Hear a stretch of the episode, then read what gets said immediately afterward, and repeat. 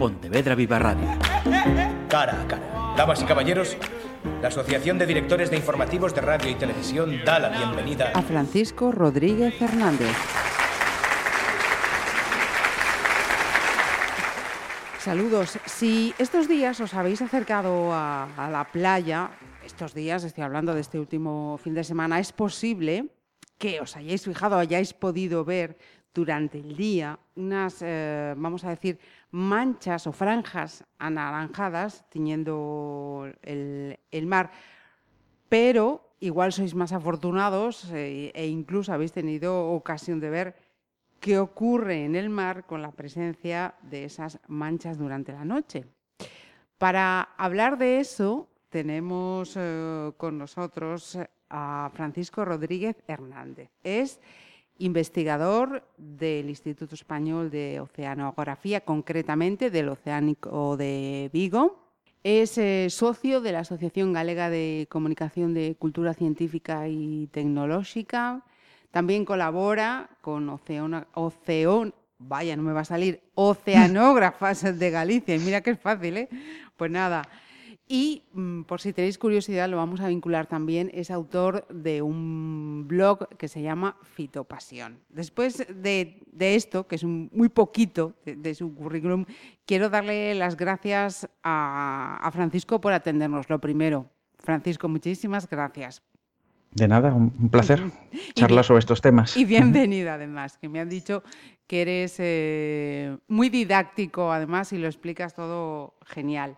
Eh, cosa que es importante teniendo en cuenta que estás hablando conmigo, ¿eh? también hay que decirlo. Mira, primera cuestión, vamos a ponernos en, las horas del día. Yo cuando las di dije, vaya, tenemos ahí marea roja, pero resulta que no. ¿Qué son esas manchas anaranjadas que nos hemos podido encontrar.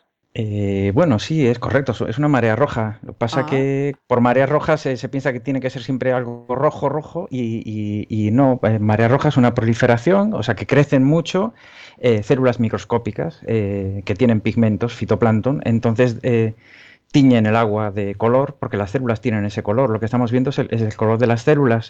si hubiera pocas no veríamos nada, pero cuando crecen suficiente, eh, le cambian el color al agua porque están absorbiendo esta, la luz. Eh, en este caso, em, es una marea, como tú dices, que el color es naranja. Es cuando las coges así, las concentras en una botella, a mí el, me recuerdan a, los refrescos de naranja, la mirinda, por ejemplo.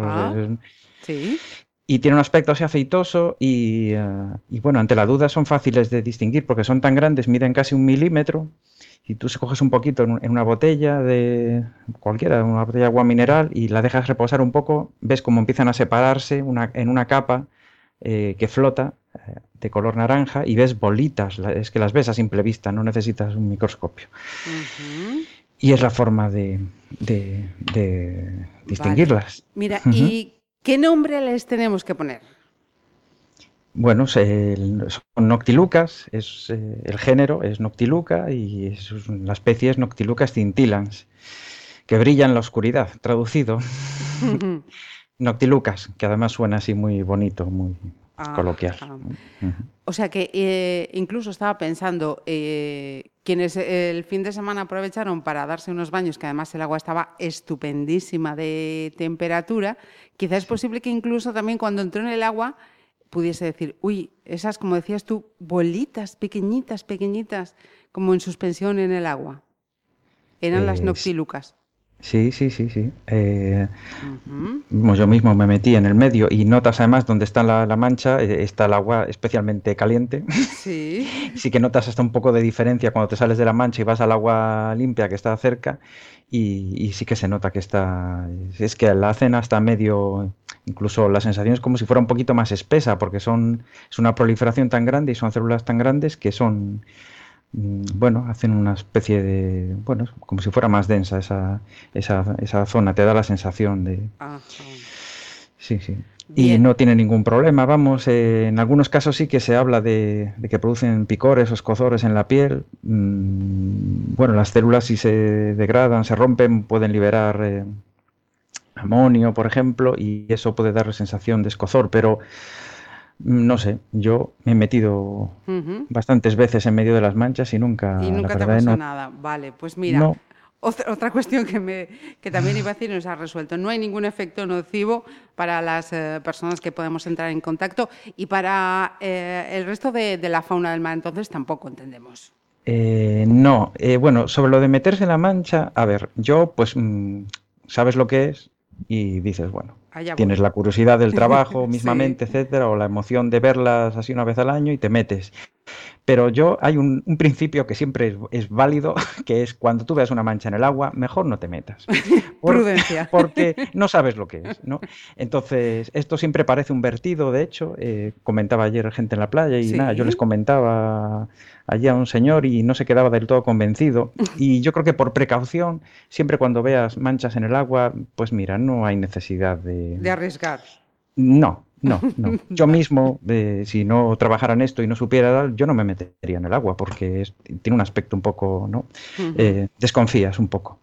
Y sobre daños, eh, no, bueno, es un fenómeno natural, son organismos que forman parte de, la sucesión, ¿no? De, que hay natural a lo largo del año y no tienen, eh, no tienen efectos nocivos estas proliferaciones, porque son normales y propias de nuestras aguas, no es un organismo invasor ni, nada, entonces eh, son, son heterótrofas, que quiere decir que se alimentan de, otros, eh, de otros organismos del plancton, no, no realizan fotosíntesis, y entonces son capaces de alimentarse pues un poco de todo, desde bacterias hasta huevos de zooplancton, por ejemplo, y nada, bueno, una vez que lo que vemos ahora con el color este naranja en superficie es como la fase final de la proliferación, tienen un ciclo de vida así bastante eh, complejo y esta, la forma esta que vemos que da el color naranja son unas células grandes que flotan, entonces van hacia arriba.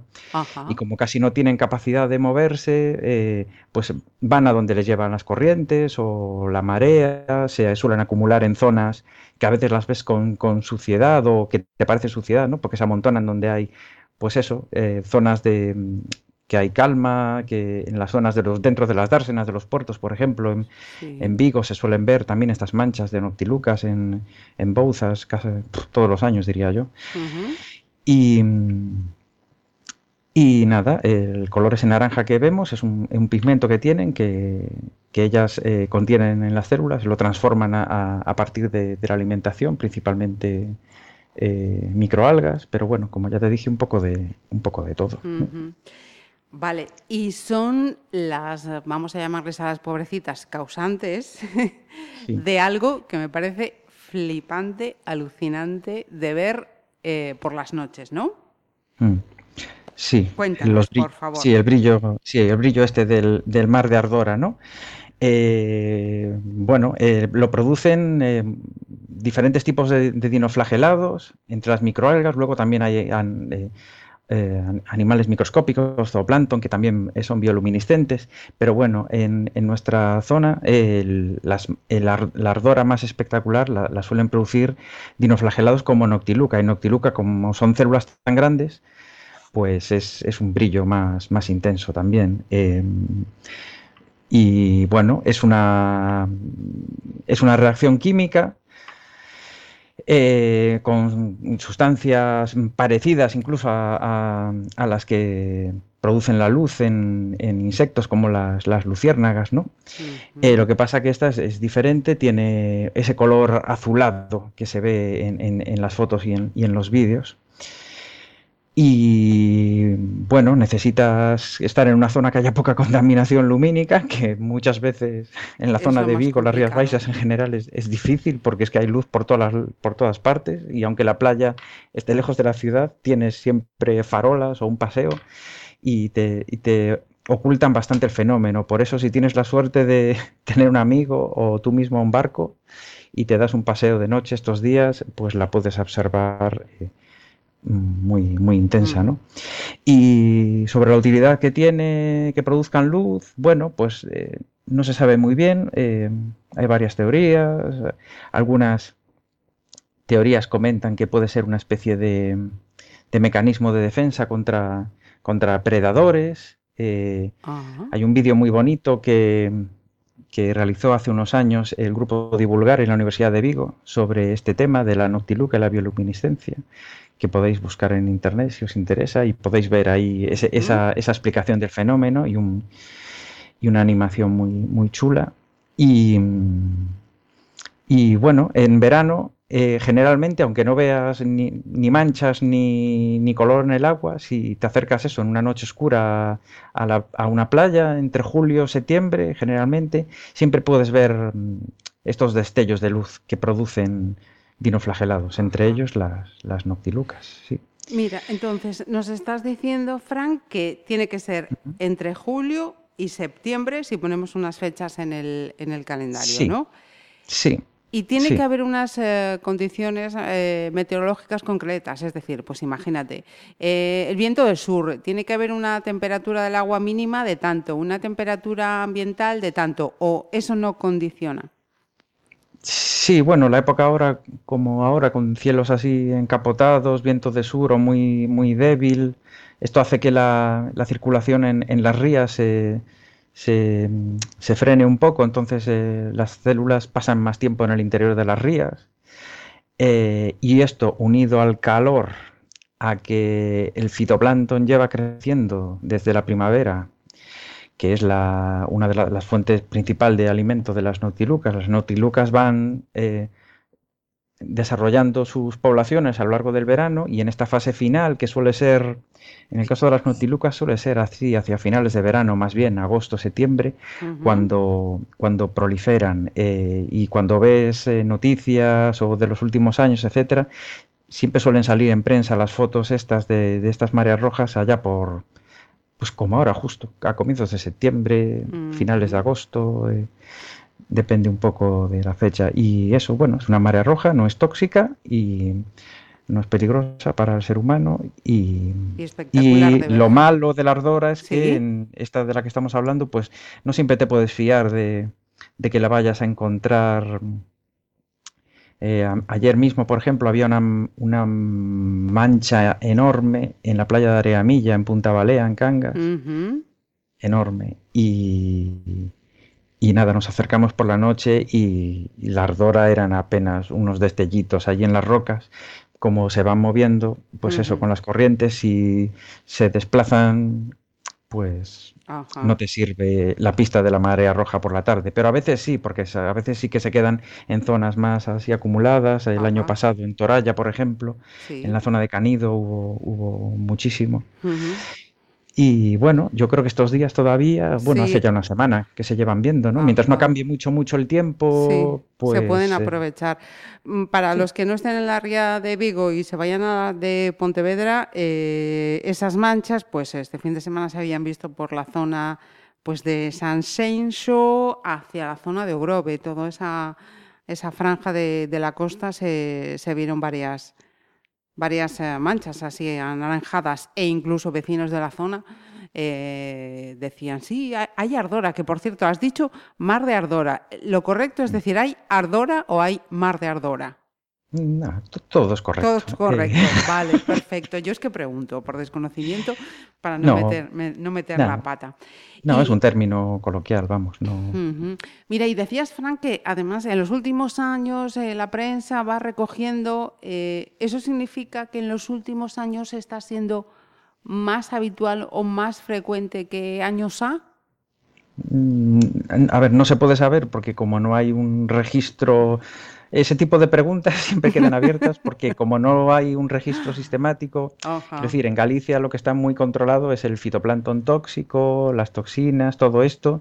Con esto sí hay datos y se pueden estudiar estas cosas, pero en el caso de esto, por ejemplo, las notilucas, pues no, como no producen daños, etcétera, y las ardoras tampoco hay un registro sistemático de dónde están y etcétera. Entonces, no, yo creo que lo que pasa es como en otros mm, temas de la vida cotidiana, pues ahora hay mm, más medios, eh, más repercusión de... Es fácil... Eh, que alguien, que lo vea diga que hoy esto sí. sí, es una suerte, porque antes te enterabas a lo mejor de rebote porque alguien te lo comentó, pero es que ahora alguien puede hacer una foto, un vídeo, lo sube y tú lo compartes y al final eh, todo el mundo conoce. Acabas sabiéndolo. Sí, y si lo acompañas de, bueno, de explicar de qué se trata, etcétera, y, ser respetuosos un poco con el medio, todo esto, pues al final es, eh, beneficio para todos, ¿no?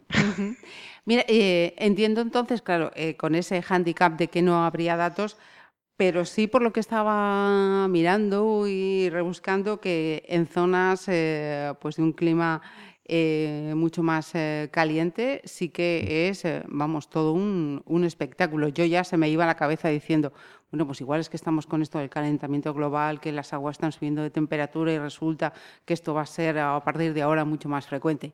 Dejé soltar la imaginación, Fran. Igual me dices, no, no tiene nada que ver.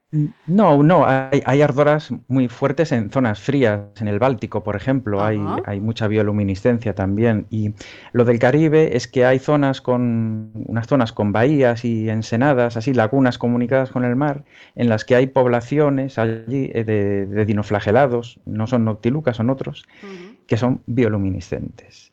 Entonces, con el clima que tienen, y, esas zonas un poco con comunicación limitada con el mar, eh, las poblaciones no se dispersan y crecen, eh, digamos, de modo más o menos continuo durante todo el año. Así que, eh, pues, es un atractivo turístico más. En Puerto Rico, por ejemplo, vamos.